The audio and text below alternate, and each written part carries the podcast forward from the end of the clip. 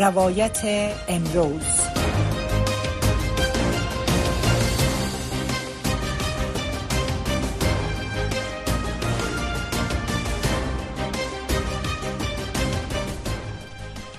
شنوندگان عزیز سلام. شب همه شما بخیر. حفیظ آصفی هستم و خوشحال هستم با تقدیم برنامه روایت امروز با شما هستم. از چندی به این طرف پس از نشست های در کابل نشست درباره افغانستان یا نشست گروهی تماس نشست در قزاقستان سپس نشست دوها. همه در مورد افغانستان و سرنوشت زنان و بانوان که با محدودیت های از طرف حکومت طالبان روبرو هستند متمرکز بود. در آخر در آخرین نشست در شورای امنیت سازمان ملل متحد پشت درهای بسته ای بار. یک بار دیگر مسئله افغانستان هم بار دیگر مورد توجه قرار گرفت. در این نشست رئیس شورای امنیت سازمان ملل متحد گفت که طالبان باید به صورت فوری پالیسی ها و فرمان هایی را لغو کنند که زنان و دختران افغان محدود کردند. ای در حالی است که شماری از بانوان افغان نشست های پشت درهای بسته را معیوس کننده عنوان کردن و گفتند که آنچه در مورد زنان دختران و افغانستان میگذرد مسئله مهمی است که نباید پشت درهای بسته در مورد صحبت کنیم. در نشست حاضر در رابطه به مسئله افغانستان اولویت دادن محدود... لغو محدودیت ها علیه دختران و زنان افغان صحبت می‌کنیم. مهمان محترم برنامه ما بانو شعلا فرید استاد پیشین فاکولته حقوق پانتون کابل و فعال حقوق زنان است که همیل از در خط تلفن با ما هستند. بانو فرید سلام با شما. تشکر که دعوت مرا پذیرفتین. صدای مرا میشنوین؟ بله من هم از سلام و اکرامات دارم. به شما و شنوندای محترم شما و خدمت بنایت تشکر از حضور شما. همین رقم که من در مقدمه کوتاهی گفتم از چندی به این طرف هست که افغانستان بار دیگر در میراق توجه ها و نشست های پی در پی قرار می‌گیره. ای بار هم در آخرین نشست در شورای امنیت سازمان ملل متحد که او در مورد نماینده ویژه بر امور افغانستان از طرف سازمان ملل متحد صحبت شد. نماینده که طالبان موجودیتش کاملا بیفایده عنوان کردن اما در نشست یک بار دیگر رئیس شورای امنیت گفته که باید طالبان بلافاصله فرمانهایی را لغو کنند که زنان را و دخترای افغان در محدودیت قرار میده به نظر شما در حال حاضر چقدر امکان داره با وجود سختگیری ها و موقف طالبان روی این مسئله فشارهای جامعه جانی و نشست های پی در پی تا چه حدود فکر می‌کنه در این زمینه خاص موثر است؟ من فکر می‌کنم که افغانستان بعد از حاکمیت طالبان از نظر نفتاده یا محور توجه کشورهای جهان قرار گرفته. و هم در حالتی که جهان فکر می‌کردن که طالبا در حاکمیت دوم خود متفاوتتر عمل می‌کنن. بله. و امکان داره که تغییراتی که به طالب آمده تجربه حاکمیت قبلی خود اینا تکرار نکنه. جهان با نظر داشت از این موضوع که جنگ در افغانستان ختم میشه و قوای نظامی امریکا و ناتو از افغانستان بیرون میشه. افغان خودشان می‌تونن یک حکومت را برای خود بسازن که طالب جز از واقعیت از جامعه است. البته ما فکر می‌کنم اشتباهی که جهان فکر کرده ارتباط کشورهای کمک کننده داخل فکر کردن که طالب واقعیت جامعه افغانستان است. ما می‌تونیم بگوییم که یک قسمت از واقعیت جامعه افغانستان است و مردم افغانستان واقعیت های اصلی هستند که در جریان 20 سال جنگ را بیشترین صدمات دیدن. و فکر می‌کنم صدای زنای افغانستان و نقض حقوق بشری و حقوق زنان در افغانستان پس از حاکمیت طالبان بیشترتر امروز افغانستان محور توجه سازمان ملل متحد و کشورهای منطقه قرار داده. از یک سوی از یک دیگه تنش هایی که در بین قدرت های بزرگ جهان در ارتباط به قضایای دیگه که در جهان است مثل جنگ روسیه و اوکراین جنگ فعلا غزه جریان داره. اینو جهان به نوع مصروف خود ساخته. ولی افغانستان هیچ وقت در اثر فعالیت های زنا کوشش های زنا و مبارزات را که جنبش ها و حرکت های زنا برای انداختن جایش در جهان خالی نمان یا حداقل فکر جهان خود جلب کرد. با وجود که امروز در سازمان ملل حکومت طالبا یا گروه طالبا که در افغانستان حاکم هستن نماینده خود نداره ولی باز هم مورد توجه قرار گرفت. من فکر می‌کنم می کار کرده خود نهادهای مدنی نهادهای فعال حقوق بشر و خصوصا زنای افغانستان است این خودش یک یک بحث بسیار کلان است که امروز افغانستان تونسته یک بار دیگر محور توجه سازمان ملل متحد قرار بگیره این به این مفهوم است که در دو سال گذشته افغانستان به یک منطقه بفر هنوز هم مطرح یک بفر سیاسی است هنوز در جهان افغانستان من حیث اولین کشور است که حکومتش در ظرف دو سال به رسمیت شناخته نشده اولین کشور است که دو میلیون دختر جوان از تحصیل محروم هستند شاید یگانه کشور در جهان باشه که افراد جوان یا جوانای افغانستان با دست, داشت با دست داشتن دیپلم پیشدی و ماستهی بیکار هستند و روی آوردن به کراچیبانی و دکانداری در افغانستان. بحران اقتصادی مواجه افغانستان است در اثر حاکمیت غیر معقول طالبا در افغانستان. لذا من فکر می‌کنم که یک راه یا یک گام برداشته شده که به نوع به طرف حل بحران افغانستان قدم های نخستین سازمان ملل متحد و کشورهای منطقه و کشورهای زی دخل و علاقمند به موضوع افغانستان بردارند. ولی من فکر می‌کنم یک سوی کلان از این گام ها باید خود مردم افغانستان باشه. بله. طالبان امروز نمی‌تونن از, از کل مردم افغانستان نمایندگی کنند. چرا میلیون ها نفوس افغانستان و بیرون از افغانستان مجبور به مهاجرت شدن و مجبور به تبعید شدن از افغانستان و همچنین میلیون ها زن در داخل افغانستان محصول هستند. و اجازه ندارن که تا برای گرفتن اکسیژن در فضای باز آزاد گام بگذارن لذا من فکر می‌کنم یک, یک راه برای, برای حل بحران افغانستان مطرح است و اقدام نیک است و یک امیدواری برای بله. مردم افغانستان که امروز از تمام راه ها برشان مشکلات خلق شده یک امیدواری برای مردم افغانستان که بتونه یک راه برای حل مشکل افغانستان باشه و خود مردم افغانستان هم در اون نقش داشته باشه یعنی ما در این شرایط افغانستان و خصوصا زنای افغانستان این پذیرفته نمی‌تونن که بحث در مورد افغانستان در عقب دروازه های بسته باشه بله. مگر اینکه بعض وقت نشست ها و تصمیمی که شورای امنیت سازمان ملل متحد می‌گیره منحصر به خود اعضای دائمی و اعضای دائمی و غیر دائمی سازمان ملل متحد محدود میشه. من فکر می‌کنم این بار بس در برای افغانستان در عقب دروازه بسته یک وظیفه شورای امنیت سازمان ملل متحد بود که به این شکل این پیش ببره. بله. یک مسئله دیگه هست که بیشتر کارشناسا در این مورد صحبت می‌کنن و سوال های هم مطرح میشه. و که خب بیگمان که مسئله حق تحصیل و کار بانوان وانچه اونا از محروم شدن از تمام آزادی های اجتماعی در اولویت قرار داره. اما تنها این مسئله نیست که طالبان با آزادی ها قبول آزادی ها و بانوان همه چیز گل و گلزار باشه و مشروعیت به دست بیارن. مسئله قانون در حال حاضر قانون اساسی در افغانستان نیست. هرچند طالبان میگن که شریعت نافذ است. رقمی که شما در جریان هستین دو نفر در غزنی و یک نفر در جوزجان اعدام شدن بدون کدام محاکمه علنیه همچنان آزادی رسانه ها هم در مورد در چنین شرایط نقص شده. یعنی تنها یک مسئله نیست. حکومت همه شمول. حکومتی که نماینده همه اقوام باشه. چرا به نظر شما جامعه جهانی تنها بیشتر روی یک نکته فشار وارد می‌کنند که او هم بانوان آزادی ها برای زنان و دختران افغان است؟ من فکر می‌کنم که بحث تنها دخترها و زنای افغانستان نیست یا بحث تنها نقض حقوق بشری در افغانستان نیست. در قرن 21 طالبان نتانستن یک منطق سیاسی را که اون منطق سیاسی زاده بتانه افغانستان حاکم شود که یک بار دیگه قوانین افغانستان خصوصا قانون اساسی مصوب سال 1382 که قانون بود که در منطقه شبیه از قانون نبود یعنی بهترین قانون بود برای مردم افغانستان بله. هم حقوق و تکالیف مردم افغانستان تعیین کرده بود هم نحوه حکومت داری در افغانستان و هم حتی تاکید بر عدالت اجتماعی و بر عدالت رسمی که از طریق قوه قضایی افغانستان اعمال شود و با تصویب قوانین و اصلاح قوانین یک پروسه بسیار کلان را مردم افغانستان با موفقیت با همکاری جهانی ها تانستن تای کنن.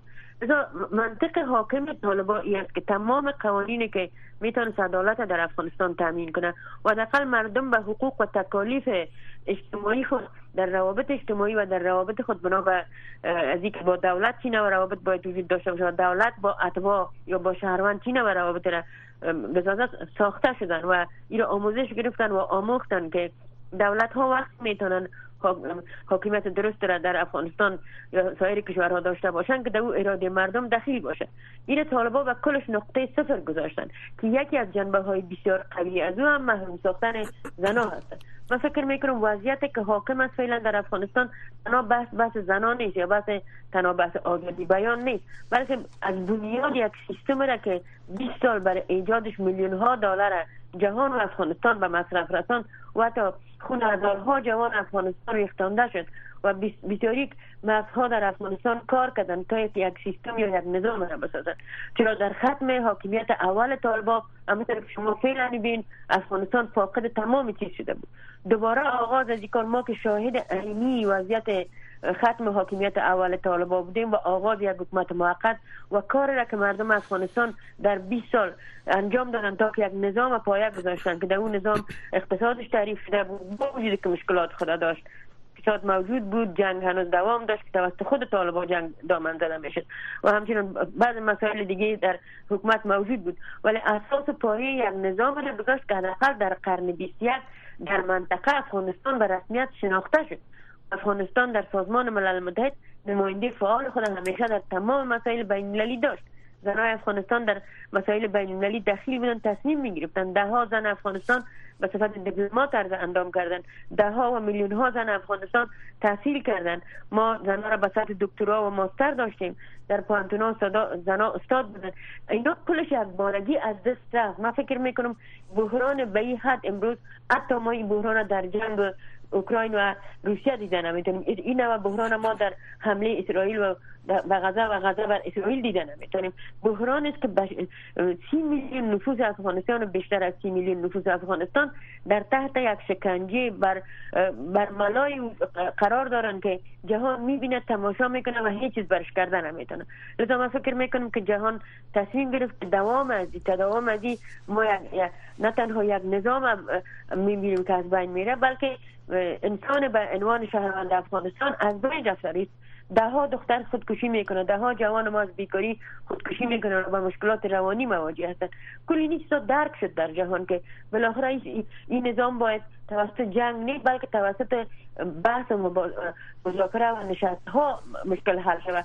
تا طالبا بدانن که وقتی نماینده ویژه تعیین میشه این نماینده ویژه این وظیفه نداره که صبح قدرت از طالبا بگیره. این وظیفه نداره.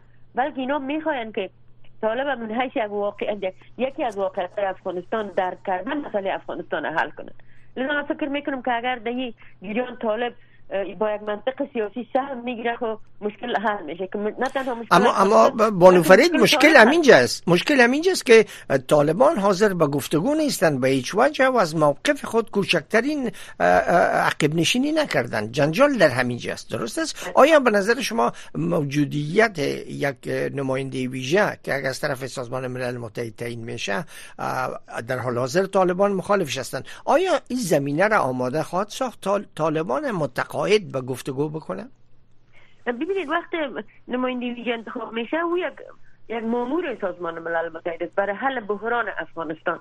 اونا را میگن ما برای حل بحران مخالفین افغانستان میگن برای حل بحران افغانستان که در مدیریت از بحران طالبا عاجز مانده. لذا طالب باید این منطق سیاسی را به کار بندازه که تعیین نماینده ویژه و مفهوم از نیست که به حاکمیت از اینا خاتمه داده میشه بلکه به مفهوم حل بحران افغانستان است اگر یک طرف از بحران یا جز از بحران یا یکی از عوامل بحران طالبا هستن یا خود اصلاح کنن یا برای از بین بردنشان باز اونجا تصمیم گرفته میشه اگر در جریان مباحثی که توسط یا امو پروسه که توسط نماینده ویژه برای انداخته میشه طالب بتونه تغییرات را در افغانستان بیاره که هم حکومت از اونا به رسمیت شناخته شود هم اراده مردم در حکومت موجود باشه. یعنی یک حکومت با پایه های واسه ایجاد شده بتونه در اونجا قانون حاکم شود خلای قانونی از بین بره. این راههایی است که طالب بدون جنگ اگر تعقیب کنه بوجه که خودش در حاکمیت است و حاکمیت را از آن مردم بدانه. در قرن 21 ما نمی‌تونیم مردم را رعیت قرار بدیم. در قرن 21 ما نمی‌تونیم که اگر مردم انتقاد از یک ملا می‌کنه یا تصویر یک ملایی را که هنوز ندیدن حریق می‌کنن اونا به دو سال حبس محکوم شون یا پنج سال حبس محکوم شون شما ببینید خانم را امروز در زندان مندازن و دو سال حبس برش حکم می‌کنن که گویا تصویر از ملا حیبت الله را حریق کرده. چرا حریق کرده؟ ملا حیبت الله 80 فرمان را صادر کرده آزادی زن ازش گرفته حقوق اولی زن که اسلام برش داده وقت تاثیرش ازش گرفته. پس اگر او حریق کرده تاثیر از بنا به درد که بر از رسیده. آیا طالبا درد درمان می‌کنه یا مریض از بین می‌برن؟ یا هنوز هم کوشش می‌کنن مریض از بین ببرن. مریضی که عامل مریضیش خود طالبا هستن من فکر می‌کنم یک منطق سیاسی دکاره که با تعیین نماینده ویژه و بحث با طالبا می‌تونن این منطق به وجود بیاید که طالب پیش از که مریض از بین ببره عامل از اون میکروب از از بین ببره. اون باکتریایی که سبب از این مریضی شده در افغانستان او را بهتر از بین ببره. لذا من فکر می‌کنم که در بین خود طالبا هم از افراد هستن که از نوع حاکمیت فیلی طالبا خسته شدن. و اینی خودش یک راه هست برای حل پرابلم من فکر می‌کنم کشورهایی که طالبان همکاری می‌کنن مثل چین و روسیه این باید برای طالبا بفهمانند که ای که شما اشتراک نمی‌کنید در مباحث ای که شما نماینده ویژه را نمیپذیرین این راه موفقیت شما نیست. بلاخره کمک که تا فعلا شما را زنده نگاه داشته و حیاتی بوده برای تداوم حاکمیت شما هفته چل میلیون دلار است که برای شما می‌رسه اگر یک ماه برای شما نرسه شما در ماه آینده و. الان مشکل برمیخورین و دو ماه سه ماه اگر بگذره شما مجبور میشین که دست به دامان کشورهای دراز کنین که کشورها شما را به حیث برده و به حیث یک, یک, مستمره خود از شما استفاده می‌کنه. این بسیار زود می‌تونه وضعیت را که افغانستان داره. افغانستان به یک صوبه پنجم پاکستان تبدیل شود بسیار زود می‌تونه توسط خود آماده شد بله. تشکر. ببینین بانو فرید در شرایط حاضر اگر ما یک مثلث در ذهن خود ترسیم بکنیم که در یک رأسش حکومت طالباست در یک رأسش جامعه جهانی و در رأس دیگهش مردم افغانستان. در صورتی که گفتگوها صورت بگیره و طالبان متقاعد شوند با گفتگو, با گفتگو به میز مذاکره بچینن با کی گفتگو کنن؟ آیا با چرایی حکومت پیشین؟ آیا با چرایی که تانوز شناخته نشدن و یک اپوزیسیون واحد تشکیل نشده؟ گفتگوها با کی صورت بگیره؟ و مهمتر از همه که در چنین شرایطی که طالبان حاکمیت دارند در افغانستان چرا باید گفتگو کنن بفرمایید. من بیشتر تشبیه به یک مثلث نمی کنم وضعیت ما بیشتر تشبیه به یک هرم می کنم که ما در شرایط فیلی که سازمان ملل متحد متوجه شده و افغانستان باید یک عضو فعال سازمان ملل متحد خصوصا در 20 سال آخر بوده من فکر می‌کنم در رفعی از این هرم مجبور میشه که سازمان ملل متحد قرار بگیره. چون سی میلیون نفوس سی میلیون بشر در افغانستان در حالت محو شدن.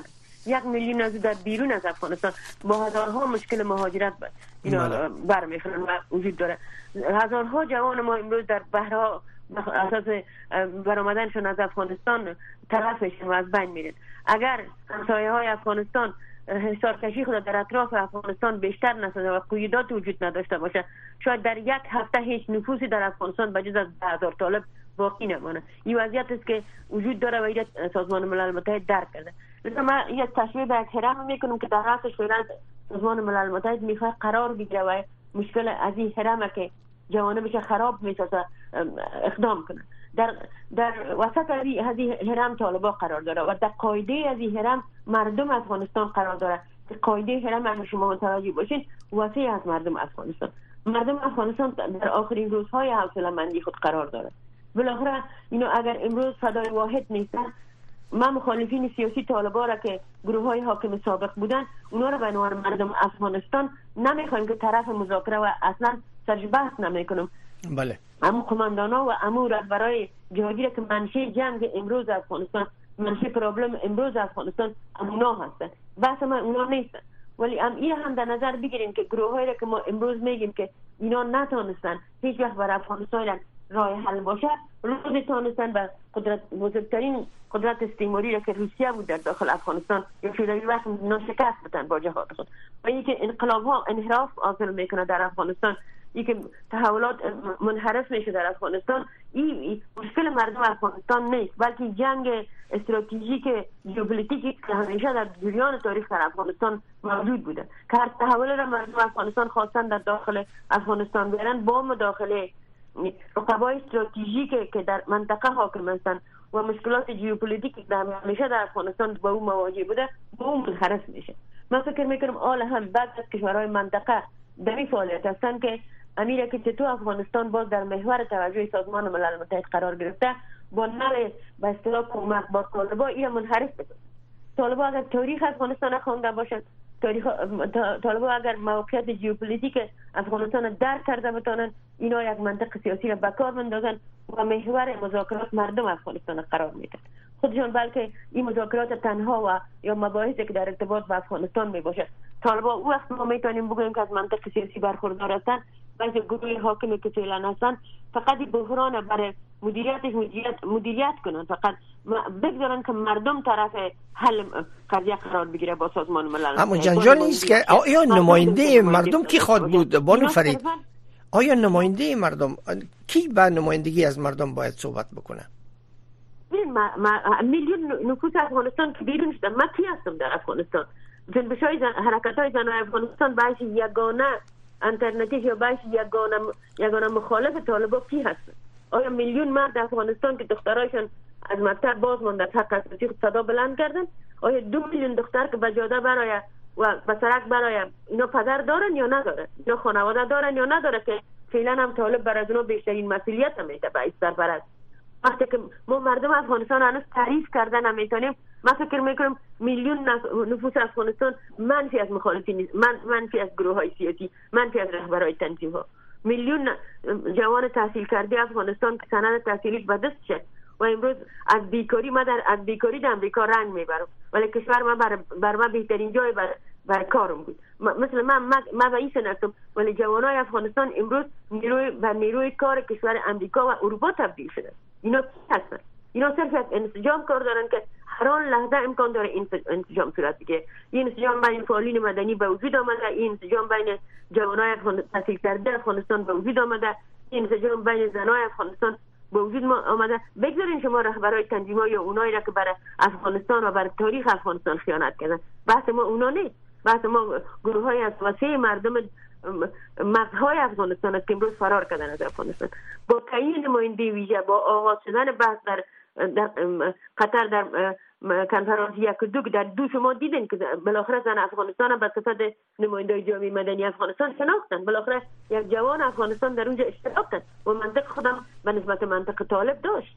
ما فکر می‌کنم اگر ما این سوال کنیم که با کی حرف من با مردم افغانستان. و مردم افغانستان به زودترین فرصت با یک به منطقی که طالبا می‌گیره و در مجلس اشتراک نمی‌کنن وقتی مردم افغانستان اشتراک کردن شما بفهمین جوان افغانستان اشتراک کردن اینا جز از نقشه راهی است که سازمان ملل متحد می‌خواه بر بحران افغانستان رو بسازه.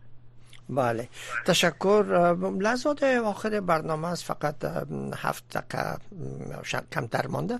بانو فرید با آنچه شما فرمودین ما چه گفته آمد بالاخره باید رای حل بر افغانستان صورت بگیره. جنگ رای حل نیست. همه طرف های درگیری را می‌فهمند. جامعه جانی هم متوجه است.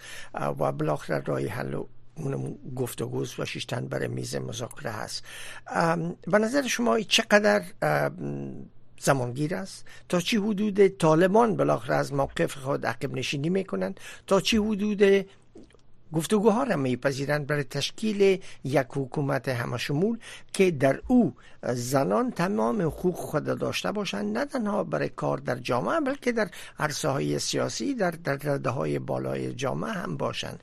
این کار شاید زمانگیر باشه. شما چه فکر می‌کنین؟ آیا نماینده ویژه براحتی می‌تونه در این زمین های خاص گفتگو بکنه؟ من فکر می‌کنم که اگر طالبا اشتراک کنن و ای که خودشان تصمیم می‌گیرن که نماینده ویژه تعیین شود یعنی این تصمیم طالبان نیست این تصمیم شورای امنیت سازمان ملل متحد است چی اگر چین اختلاف داره این چی اگر روسیه داره ولی روسیه و چین نقاط مشترک رن با سازمان ملل متحد و با کشورهای منطقه و با کشورهایی که در کنفرانس دوحه نماینده خود داشتن داشتن مثلا نقطه توافق چین و روسیه هم که در اختلاف دارن بر تعیین نماینده ویژه نقطه توافقشان این که در افغانستان یک حکومت با پایه های وسیع باید وجود داشته باشه. ما فعلا آماده بر رسمیت شناختن حکومت طالبا که یک گروه خاص هستند نیستیم. این نقطه مشترک است. ما هم طرفدار ازی هستیم که حقوق بشر در افغانستان رعایت شود احترام شود. ما هم طرفدار ازی هستیم که میگن که در مکاتب برای دخترها باشه زنها از مشارکت های اجتماعی و سیاسی برخوردار باشه. اینا نقطه های مشترک است که بین روسیه و چین که مخالفت هم دارن به نوع به تعیین نماینده ویژه وجود داره. و اینا ترس ازی دارن که اگر نماینده ویژه تعیین شود شاید نقش از اونا در سیاست های طالب از بین بره. این طالب باید درک کنه که یک نوع دلسوزی کشورها برای افغانستان مثل روسیه و چین بر افغانستان ندارن. بلکه اونا به تای عقب سیاست های خود هستند چه اگر ایران است اگر پاکستان است اگر چین است اگر روسیه است. باید بر طالب واضح شده باشه. لذا من فکر می‌کنم که اگر طالب در مذاکرات سهم بگیره شاید طولانی تر شد اگر در مباحث سهم گیره شاید وقت بیشتر ولی یک راه حل منطقی به وجود ولی اگر طالب نقش نگیره در اینجا زمان فرصت کم میشه. ولی گروه های مخالف طالب امکانات پیدا می‌کنن که داخل مذاکره با نمایندگی تا چی حدود فکر می‌کنین که مردم افغانستان به تنهایی بتونن این مسئول مسئولیت ادا بکنن و چقدر جامعه جهانی می‌تونه در این را موثر باشن؟ در حالی که شمار زیاد از از کارشناسان افغان ها میگن نه افغانستان با توجه به گذشته ها باید خود افغان ها آینده کشورشان رقم بزنن. بله ببین در صورتی که طالبان سهم می‌گیره به عنوان افغانا به عنوان کسایی که همین بحران مدیریت کنن مشترکن با ملل متحد. این تمامگیر نیست بسیار زود می‌تونه راه حل منطقی به وجود بیاید به که طالبان از منطقی خود بگذرن. طالبان از از بحث که ما این موضوع داخلی ما شریعت اسلام است از این بگذرن. شما مخواه شما تعبیر خودتان از شریعت اسلام دارین. تعبیر شما دارین شریعت اسلام نیست بر جهان واضح است. اینجا کشورهای منطقه کشورهای همسایه یک کشورهای اسلامی هستن که می‌فهمن طالبان منطقه درست نیست ولی در نهایتش بالاخره سازمان ملل متحد مجبور می میشه که به مردم افغانستان مراجعه و من هم به یقین هستم که راه حل طولانی مدت مردم افغانستان هستن که در بین مردم افغانستان انسجام صورت بگیره و اینو اقدام کنن. این راه حل طولانی است ولی بالاخره به وجود میاد و راه حل نظامی رو شما می‌بینین آیا؟ در صورت که طالبان از موقف خود عقب نشینی نکنن و پناه ببرن به گروه های تروریستی این بسیار منطقی نیست و هم من فکر نمی‌کنم چون بارها افغانستان تجربه کرده و جهان میره تجربه کرده. گزینه نظامی شاید آخرین گزینه باشه او زمانی که افغانستان باید یک بحران منطقوی عرض وجود کنه تشکر بسیار زیاد. برنامه روایت امروز در همینجا به پایان می‌رسه. بانو شلا فرید استاد پیشین فاکولته حقوق کابل و فعال حقوق بشر نهایت سپاس از حضور شما در برنامه. وقت خوشی برای شما تمنا دارم. شنوندگان عزیز این بود داشته های برنامه روایت امروز که در همینجا به پایان می‌رسه. اما نشرات پشتو و دری رادیو آشنا صدای امریکا همچنان ادامه دارم. برنامه بعدی ما استاسو ژغ یا صدای شماست که همکاران بانو نوشاب آشنا و فرخنده پیمانی او را گردانندگی می‌کنند. شما هم می‌تونید با گرفتن شماره 001 202 980 68 20 تماس بگیرین با ما.